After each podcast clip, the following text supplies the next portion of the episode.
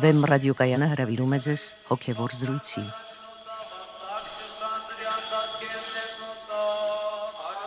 Սիրելի ունկնդիրներ, Վեմ ռադիոկայանի եթերում են արժանապատիվ Տեր Մեսրոպ Քահանա Արամյանը եւ Արա Սարգսակյան Նալչաջյանը։ Այսօրվա մեր զրույցի թեման է՝ մի եղեն ինքնաճանաչողություն։ Տեր հայր մենք արդեն անդրադարձել ենք այն խնդրին, որ մարդը ինքը իրեն պատկերացնում է կամ պետք է պատկերացնի որպես պատմական ամբողջականության մի մաս, այսինքն անցյալի, ներկայի եւ ապագայի, այսինքն մարդու պատմական ինքնաճանաչողությունը պետք է լինի այդպիսին։ Մարդը պետք է ինքնագիտակցի թե ինչպիսի պատմական ուրեմն ընթացքի մեջ է ինքը գտնվում։ Եվ մյուս կողմից, եթե մենք դիտարկելու լինենք տարածության սկզբունքը, կարող ենք արդյոք նմանատիպ դատողություններ տարածել նաև տարածության սկզբունքի վրա, այսինքն մարդը կարող է արդյոք ինքը իրեն գիտակցել կամ պետք է արդյոք որ ինքը իրեն գիտակցի որպես տարածության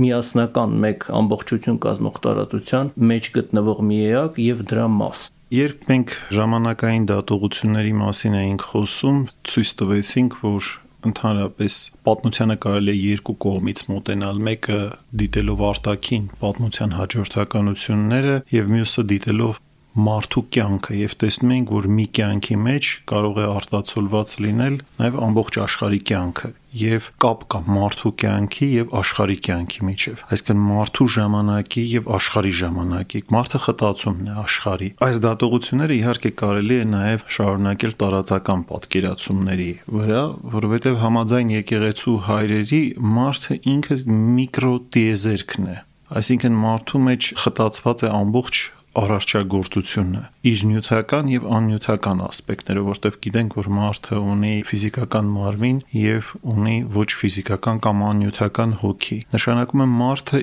իր մեջ կրում է տիեզերքի ամբողջությունը, խտացումն, ինքը պսակն է ամբողջ արարչության եւ կենտրոնական արարածն է եւ մենք տեսնում ենք, որ արարչության պատմության մեջ մարդու արարման դրվագը էապես առանձնանում է մնացած բաներից, մնացած Աստծո ակտերից։ Այնտեղ ասում է եւ Աստված ասաց եւ եղավ։ Հենց որ արդեն հասնում է մարդու արարչագործության պահը, կարծես թե խորթակցություն է սկսում Աստվածային անձերի միջև։ Եվ ասում է արարենք էապես փոխվում է արդեն շեշտադրումը մարդու արարման ժամանակ եւ ասում է որ մարդը արարվեց Աստծո պատկերով եւ նմանությամբ մյուս կողմից մարդուն տրվում է յուրահատուկ դիրք արարչության մեջ որտեղ մարդը սկսում է մասնակցել ամբողջ արարչագործության պատմությանը եւ մարդը սկսում է անվանել կենթանիներին մարդը սկսում է անվանել Աստծո արարածներին։ Սա նշանակում է շատ յուրահատուկ կերպով հաղորդ լինել Աստծո արարչական զորությանը, Աստծո խորհուրդներին, որտեվ դու չես կարող որևէ բան անվանել, եթե հաղորդ չես դրա էությանը։ Ուրեմն նշանակում է դա շատ խորը ճանաչողությունից պետք է բխի։ Այս հիմա է որ անունները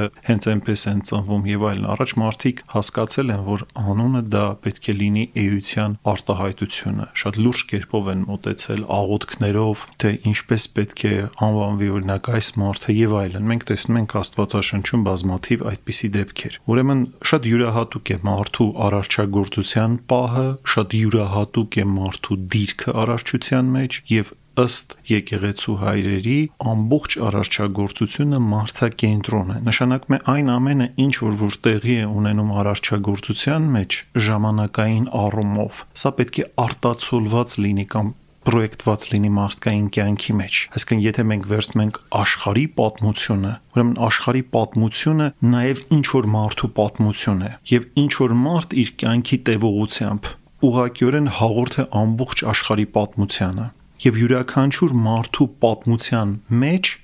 ինչպես կա սկիզբ, ինչպես նաև ավարտ, այնպես էլ աշխարհի պատմությունը ունի սկիզբ եւ ավարտ։ Եվ ինչ որ առումով այդ սկիզբը կոչում է մարդկային կյանքում եւ ավարտը դատաստան է մարդկային կյանքում։ Ինչպես սկիզբը աշխարհի առարչության շանս է մեզ համար եւ ավարտը լինելու է դատաստան։ Էնպես էլ աշխարհը իր նյութական ասպեկտով այսինքն իր տարածական ասպեկտով արտացոլված է նաև մարդու մեջ, այսինքն մարդը ինչպես ժամանակային առումով կրիչն է աշխարհի պատմության, այնպես էլ իր նյութական էությամբ ինքը հաղորդ է այս աշխարհի կյանքի բոլոր երևույթներին։ Դեր այդ ասում եք, որ արարչությունը մարդակենտրոն է։ Եթե վերցնենք այս աշխարհը, այսինքն ֆիզիկական, նյութական այս աշխարհը, չէ որ Աստված ամեն ինչ ինչ որ արարել է, ինչպես եկեղեցու հայրերն են բացատրում, ձգտում է դեպի իրեն, այսինքն դեպի Աստված։ Ուրեմն ինչպես կարող էր աշխարհը մարդակենտրոն լինել, այլ ոչ թե Աստվածակենտրոն։ Պատահական չի ասվում, որ մարդը հենց Աստծո պատկերով եւ նմանությամբ է ստեղծված եւ այդ ձգտումը ոչ թե դեպի դուրս ինչ որ մի ֆիզիկական կետ ձգտում է, այլ ձգտում է դեպի քո հոգու խորքը, որտեղ դու պիտի բացահայտես այդ երկնքի արխայությունը։ Այսինքն դեպի երկինք ձգտումը իրականության մեջ, եթե վերցնենք ներանձնական պլանի վրա, դա դեպի ներս ձգտում է, դեպի սրտի խորք ձգտում է եւ նորից ինքը ինչ որ առումով, եթե կարելի է այսպես ասել, իր ֆիզիկական լոկալիզացիայի առումով նույնպես մարդակենտրոն է, որտեղ մարդու հոգում է տեղի ունենում այդ Աստծո ճշմարիտ աշտամունքը, կենթանի աշտամունքը եւ Տեր Հիսուս ասեց, որ երկնքի արխայությունը ձեր ներսում է։ Նույնիսկ Թովմասի այս պարականոն ավետարաններից մեկը կա, այնտեղ մի այսպիսի արտահայտություն կա, ասում է, եթե մեկը ձեզ կասի, որ երկնքի արխայությունը երկնքում է, դա նշանակում է, որ երկնքի թրջունները ավելի մոտ են այդ արխայությանը։ Ասում է, եթե մեկը կասի ձեզ, որ երկնքի արխայությունը ջրերի խորքում է, դա նշանակում է ձկները ավելի մոտ են այդ արխայությանը։ Երկնքի արխայությունը ձեր մեջ է եւ ձեզանից դուրս է։ Սա շատ հետաքրքիր արտահայտություն է, որովհետեւ երկնքի արխայությունը իհարկե իհարկե մեզանից դուրս, բայց մեզանից դուրս ոչ տարածական առումով, այլ հոգևոր առումով, այսինքն օբյեկտիվ իրողություն, այսինքն երկնքի արխայությունը կա անկախ նրանից մենք կանք թե ոչ, սա նշանակում է, որ ինքը մեզանից դուրս, այսինքն մեզանից զատ իրողություն է, բայց անընդմիջելիորեն մերձավորված է մեր մեջ, մեզ հետ եւ մեր մեջ է, որովհետեւ Աստծո մարդեղությամբ աստվածայինը եւ մարդկայինը անընդմիջելիորեն եւ անբաժանելիորեն մերձավորված են։ Սա նշանակում է մարդու առաստված ձգտումը ոչ թե դա ինչ որ տարածական ձգտում է հերավոր անսահմանություններով մարդը փնտրում է Աստծուն եւ այլն ինչը արկա է շատ կրոնական համակարգերում այլ մարդու առաստված ձգտումը ներքին ձգտում է դառնում ներքին իրողություն է դառնում ներքին ճաշակման է վերածվում Փաստորեն կարող ենք եզրակացնել Տերեր վերնասվածից, որ միեղեն, միասնական, ամբողջական է ոչ միայն այս ֆիզիկական աշխարհը, այլև հոգեղեն աշխարհը, այսինքն հրեշտակային ոլորտը։ Եվ այս երկուսը միասին երկինք եւ երկիր, որոնք այսպես են կոչում Աստվածաշնչում, կազմում են մեկ միասնական ամբողջություն, մեկ արարչություն դրա պատկերը հենց ինքը մարդն է, մարդու մեջ է նշмарելի այս։ Այսինքն մարդու մեջ միավորված է հոգևորը եւ նյութական անտեսանելին եւ տեսանելին։ Եվ ընդհանրապես պետք է ասել, որ առողջության մեջ Աստծո չկա ոչ մի պատահական բան եւ բոլոր տարերը առողջության լինեն նյութական եւ լինեն անյութական, դրանք բոլորը փոխկապակցված են, այսինքն ունեն իրենց պատճառահետևանքային այսպես ասած, կապերը եւ իրողությունները եւ ոչ մի բան ինքնուրույն զատված ամբողջ արարչությունից չի կարող իմաստավորված լինել եւ իմաստ ունենալ կամ նպատակ ունենալ։ Այլ կերպ ասած, ամեն բան աշխարհում փոխկապակցված են, թե լինեն նրանք հրեշտակային զորությունները, թե լինեն ինչ որ նյութական օրինաչափություններ եւ այլն, այս ամենը իրար մեջ ներթափանցված են։ Դրա համար եթե մենք զուտ ֆիզիկականի վրա ուշադրություն դարձնենք, չդիտարկելով հոգևոր իրողությունները, մենք ի վերջո կմոլորվենք, կհանգենք արդեն այնպիսի պահերի, երբ այդ ֆիզիկական իրողությունները չեն աշխատում կամ չեն տալիս այն բացատրությունները մեզ, որոնցով կարող ենք մենք գոհանալ։ Եվ մենք հասկանում ենք, որ մենք ունենք ֆիզիկական պատկերացումների մեջ որոշակի սահմանային վիճակներ եւ այդ սահմանից այն կողմ, այդ սահմանից անդին արդեն որոշակի հոգևոր զորություններ են գործում։ Եվ թե դրանց հետ այդ հոգևոր զորությունների հետ հաղորդ չլինենք, մենք չենք կարող հասկանալ ինչու է այս աշխարհը այսպեսին եւ դեպի ուր է այս աշխարհը գնում։ Նպատակային հարցում մենք չենք կարող դնել, որտեղ մենք ընդհանրապես կկարողանանք դրանով որոշակի բաներ բացատրել, որոշակի օրենքներ, որոշակի լոկալ իրողություններ բացատրել, բայց մենք չենք կարող գնալ առաջ եւ որ ավելի կարեւոր է, չենք կարող ամբողջականի մասին պատկերացում կազմել միեղինության մասին երբ որ խոսում ենք, միեղինություն նշանակում է մի լինել։ Միեղինություն նաև նշանակում է ամբողջականություն, այսինքն ըստ էության մենք խոսում ենք աշխարհի ամբողջականության մասին։ Եվ մենք ըստ էության հասկանում ենք, որ եթե մենք այս աշխարից մի մաս վերցնենք եւ փորձենք դա այդպես դիտարկել, դա կլինի շատ թերի ճանաչողություն, որտեղ մենք չենք հասկանա, թե այդ մասը ինչպես է կապված մնացած մասերի հետ։ Բայց նույնիսկ եթե մենք ամբողջ աշխարհը բաժանենք առանցին մասերի, բոլոր մասերն էլ ուսումնասիրենք եւ հասկանանք բոլոր մասերն էլ իրար հետ ինչպես են կապված, նորից մենք չենք գա աշխարհի ճանաչողության։ Սա ըստ էության, ասենք, նյուտոնյան մեխանիկայի ամբողջ պատկերացումն էր աշխարհի մասին, որ աշխարհը բաղկացած է նյութական, այսպես ասած, կետերից, որոնք փոխկապակցված են իրար հետ որոշակի օրենքներով, շատ մեխանիկական ընկալում էր ամբողջ աշխարհի։ Բայց հետո տեսանք, որ արդեն քվանտային պատկերացումների մեջ լիովին փոխվում է աշխարհընկալումը։ Այսինքն արդեն երկու մասնիկի միությունը էապես նոր վիճակ է, եւ երբեք չես կարող այդ երկու մասնիկի միության վիճակը մեխանիկական կերպով ստանալ երկու մասնիկների եւ նրանց ուղակի փոխհարաբերության Սա էապես նոր վիճակ է։ Սա նշանակում է դիեզերքը իր ամբողջության մեջ դա էապես մի նոր վիճակ է եւ երբեք մենք մասնիկների կամ առանցին մասերի գիտակցությունից չենք կարող գալ այդ ամբողջի գիտակցությանը մեզ պետք է այդ ամբողջի ընկալումը որպեսի հասկանանք թե յուրաքանչյուրը ինչ դեր եւ մասնակցություն ունի ամբողջի մեջ Փաստորեն դերեր եթե դիեզերքի այդ ամբողջականությունը օբյեկտիվ իրողություն է անկախ նրանից մենք դա գիտակցում ենք թե ոչ նույնիսկ անկախ մեր գոյությունից ապա մարդը աշխարհ գալով եւ բնականաբար ցանկանալով ճանաչել աշխարհը, ճշմարտապես ճանաչել աշխարհը այնպես, ինչպես որ նա իրականում կա, պետք է որ ունենա գիտակցությունը նրա, ինչ օբյեկտիվորեն արդեն իսկ գոյություն ուներ։ Եվ աստորեն աշխարհի ճանաչողությունը, մարդու ճշմարիտ աշխարհաճանաչողությունը պետք է ընթանար այս ուղղությամբ, այդպես է տրամաբանորեն ստացվում։ Եվ ինքը մարդը այդ աշխարհի մեջ, այսինքն այստեղ մենք գործ ունենք նաև ինքնաճանաչողության խնդրի հետ, այո մարդը որպես այդ միասնական աշխարհի մեջ գտնվող եւ նրա մաս կազմող մի էակ Ընդհանրապես շատ հետաքրքիր ինքը խնդիր է եւ ես կարծում եմ ինչե վերջ դրա պատասխանը չկա մարդու ճանաչողության խնդիրը ինչպես է դա տեղի ունենում եւ իհարկե նաեւ այստեղ կան ճանաչողության շատ տարբեր մակարդակներ եւ այլն այլ բան է աշխարհիկ ճանաչողությունը, այլ բան է հոգեվոր ճանաչողությունը, այլ ձևով է գիտնականը խնդրին մոտենում, այլ ձևով է այդ իրողությունները տեսնում սուրբ եւ լուսավորված մարդը եւ այլն կան ճանաչողության տարբեր մոտեցումներ։ Իհարկե, եթե բոլորը գնում են դեպի ճշմարտությունը չեն կարող հակասել միմյանց, այլ կարող են ունենալ տեսողության եւ լուսավորության տարբեր մակարդակներ։ Բայց շատ կարեւոր է, որ ճանաչողության խնդիրը զուգակցվի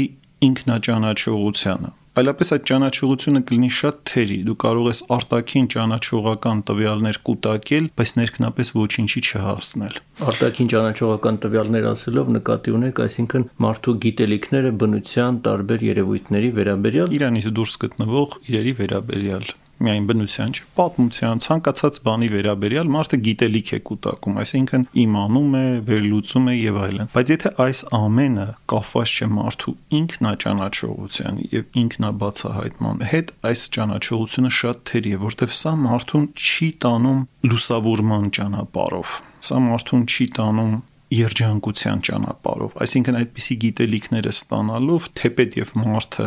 ընդհանրապես կարող է ունենալ որոշակի էքստատիկ պահեր եւ այլն իրեն հաճելի լինի այդ ճանաչողությունը ընդհանրապես ճանաչելը ներհատուկ է մարդկային բնությանը, որտեղ Աստված մարդուն այդպես է արարել, բայց դա կարող է զուգակցվել լրիվ այլ իրողությունների։ Մինչդեռ հոգևոր կյանքում շատ կարևոր է տեսականի եւ գործնականի համակցումը իրար հետ։ Երբ որ մենք ասում ենք գործնական, սա չի նշանակում, որ պարզապես պրակտիկ ինչ որ փորձեր կիրառել։ Սա նշանակում է քո ներքին ապրումով հասնել որոշակի իրողության, այսինքն ոչ թե կարդալ, թե սերը ինչ է կամ լսել դրա մասին, այլ փորձել իրագործել եւ այդ սիրո պտուղները ճաշակել ներքնապես։ Այսպիսի ճանաչողությունը շատ կարեւոր է մարդու համար։ Այլապես ինքը միշտ ունենալու է թերի արտաքին ճանաչողություն, որը ամրապնդված չէ ներքին փորձով եւ դա երբեք չի կարող մարդ մարդկային հոգուն գոհացում պատճառել։ Տեսեք ամբողջ այս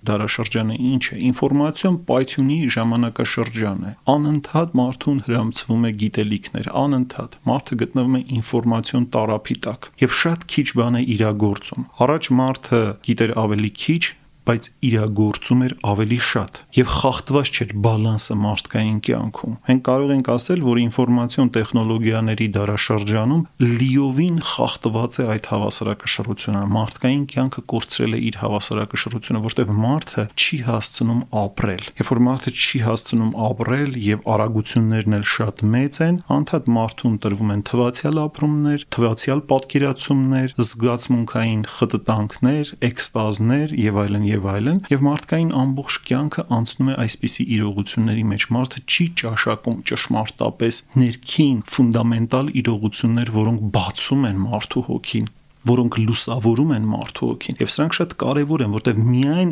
այդպիսի ճանաչողություններով է միայն ներքին լուսավորման ճանապարհով է որ մարդը կարող է հասնել ազատագրման եւ հասնել ամբողջի գիտակցությանը այլապես ինքը կունենա ընդհանրը պատկերացումներ ինչ որ կտորների մասին, որոնք այս աշխարհում կան կամ ինչ որ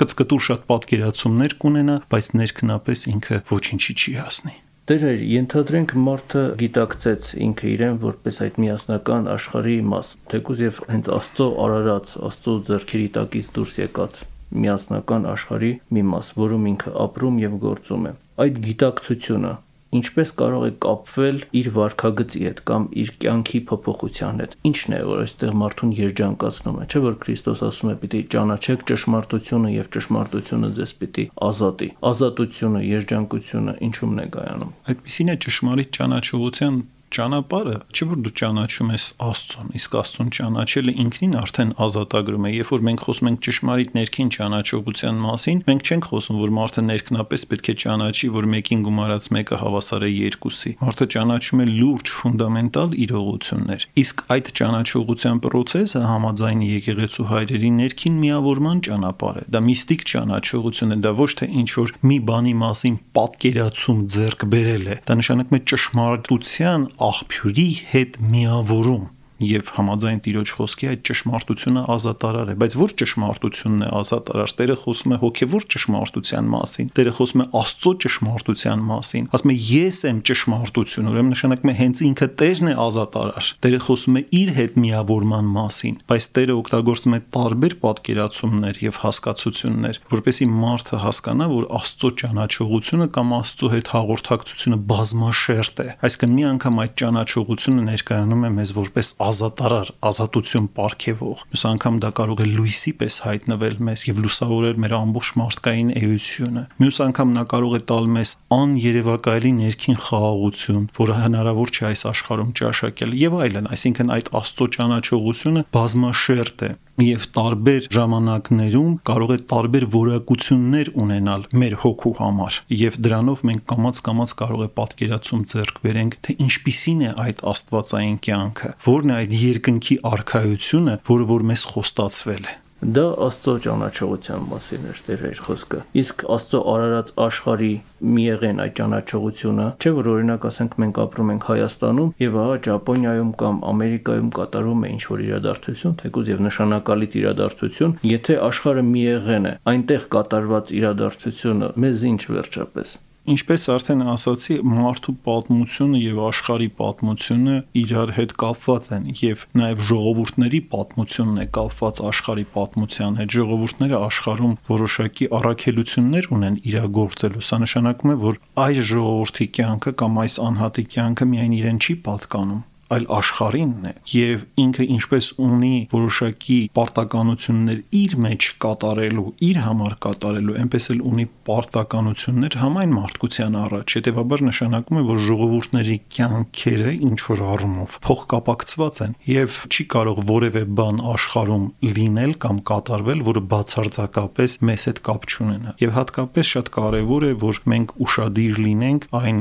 բոլոր բացական, ասենք թե իրողությունների վրա, որոնք որոնք այսօր աշխարհում տեղի են ունենում, այդ չարորակ process-ները, որոնք այսօր աշխարհում զարգանում են, որպեսզի կարողանանք ճիշտ կերպով պաշտպանվել եւ կարողանանք նաեւ ինչու՞ չէ, եթե մենք ինչ որ կհայտնագործենք ճիշտ պաշտպանության մեխանիզմ, դա կիսվենք նաեւ աշխարհի այլ ժողովուրդների հետ։ Էնպես որ սա շատ կարեւոր է, նամանավանդ մենք պիտի հասկանանք, որ այսօրվա ժամանակաշրջանը շատ տարբեր է նախորդ դարերից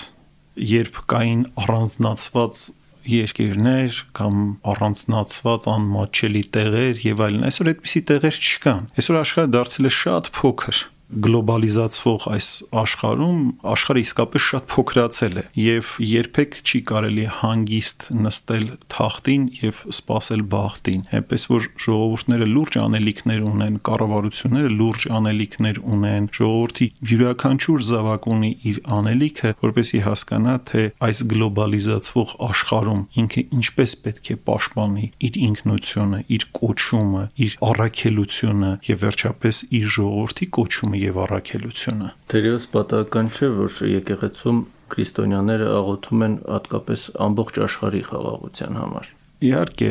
մարդկային կյանքը միայն կարող է ծաղկել խաղաղության մեջ, բայց նորից ուզում եմ ասել, որ այստեղ խոսքը միայն արտաքին խաղաղության մասին չէ, շատ կարևոր է, որ մարդիկ նաև հասնեն ներքին հոգևոր խաղաղության, որտեղ մենք տեսնում ենք, որ Քրիստոս ասում է, որ իմ խաղաղությունը այն խաղաղությունը չէ, որ այս աշխարհն է ձեզ տալիս։ Ասում է ոչ այնպես ինչպես աշխարհն է տալիս։ Սա նշանակում է, որ Աստծո խաղաղության եւ այս աշխարհի խաղաղության մեջ կա շատ լուրջ հակասություն։ Այս աշխարհի խաղաղությունը կարող է մեր գլխի տակ փափուկ բարձ կեղծ թնել։ Այս աշխարհի խաղաղությունը կարող է լինել կեղծիքով, այս աշխարհի խաղաղությունը կարող է հрамցվել մեզ տարբեր դրթախ պատճառներով։ Այս աշխարհի խաղաղության համար կարող է մենք ստրկական պայմանագիր ստորագրենք հոգևոր առումով ես նկատի ունեմ, վաճառենք մեր հոգևոր ազատությունները։ Այդպիսի խաղաղություններ մեզ պետք չէ։ Մի այլ տեղ էլ Տերը ասում է եկա սուր գցելու այս աշխարհում։ Ուրեմն մենք պետք է հասկանանք, թե որ խաղաղությունն է մեզ պետք եւ որ խաղաղությունը մեզ ընդհանրապես պետք չի եւ որի հետևում կա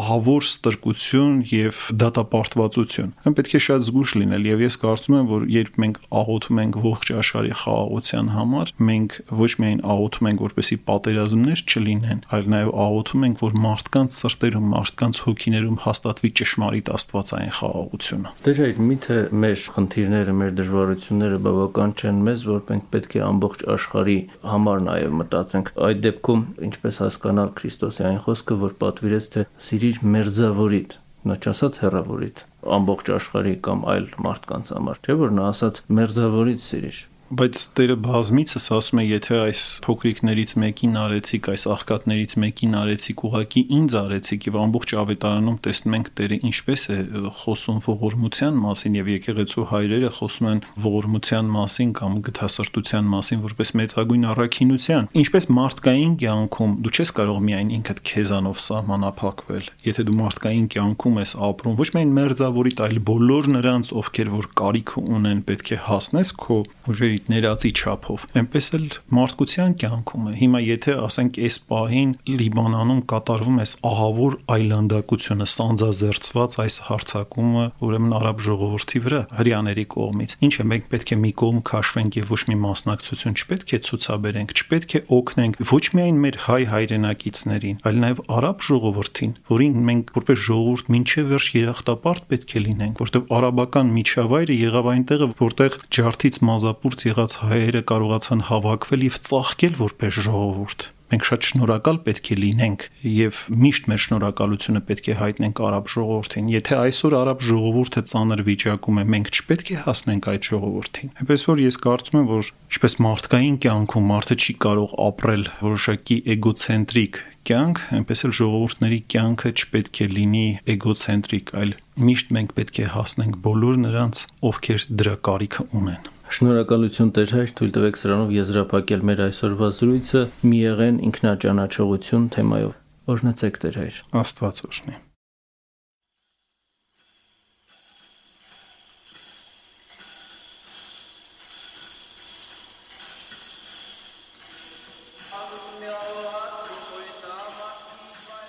Հոգևոր զրույցներ հաղորդաշարի հերթական հաղորդումը